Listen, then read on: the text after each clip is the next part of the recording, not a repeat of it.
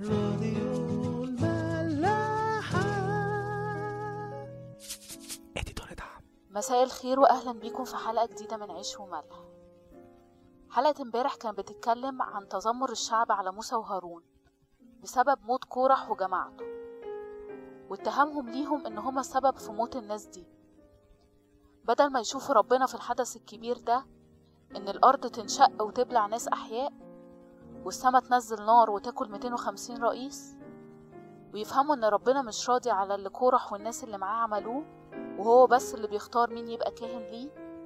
هم عملوا العكس واتذمروا على ربنا وعلى موسى وهارون زي كل مرة بيقابلوا فيها مشكلة.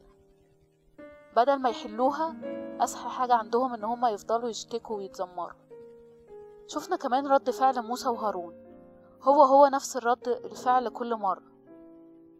الشعب بيتذمر عليهم وهما يروحوا لربنا ويصلوا له ويتشفعوا للشعب اللي غلطان في حقهم. وصلاتهم دايما مش بتبقى صلاة سريعة يريحوا بيها ضميرهم دي بتبقى صلاة بلجاجة وإصرار إن ربنا يغفر لشعب وما يفنيهمش بغضب.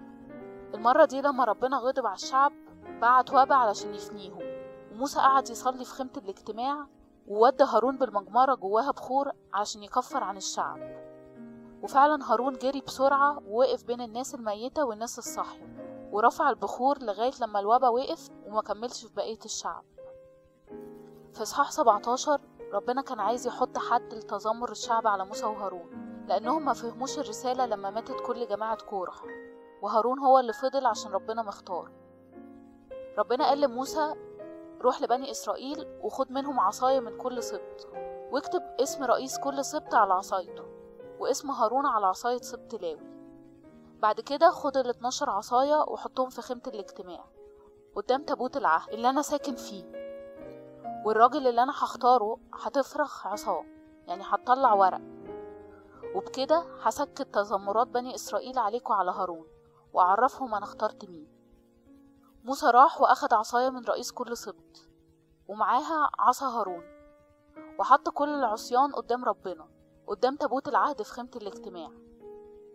وتاني يوم دخل موسى ولقى عصاية هارون اللي لسبط لاوي هي اللي أفرخت. مش بس أفرخت وطلع ورق دي أزهرت يعني طلع زهر منها.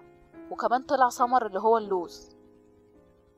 خرج موسى بكل العصيان بعد كده لبني إسرائيل ورجع لكل واحد عصايته.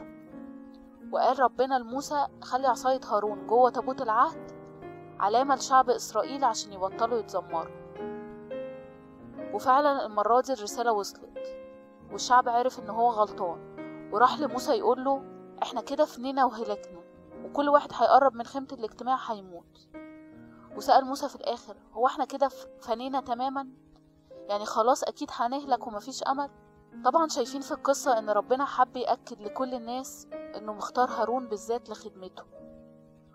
كورح وجماعته والشعب معاهم شككوا في رسالة هارون واختيار ربنا ليه. بس ربنا دافع عنه.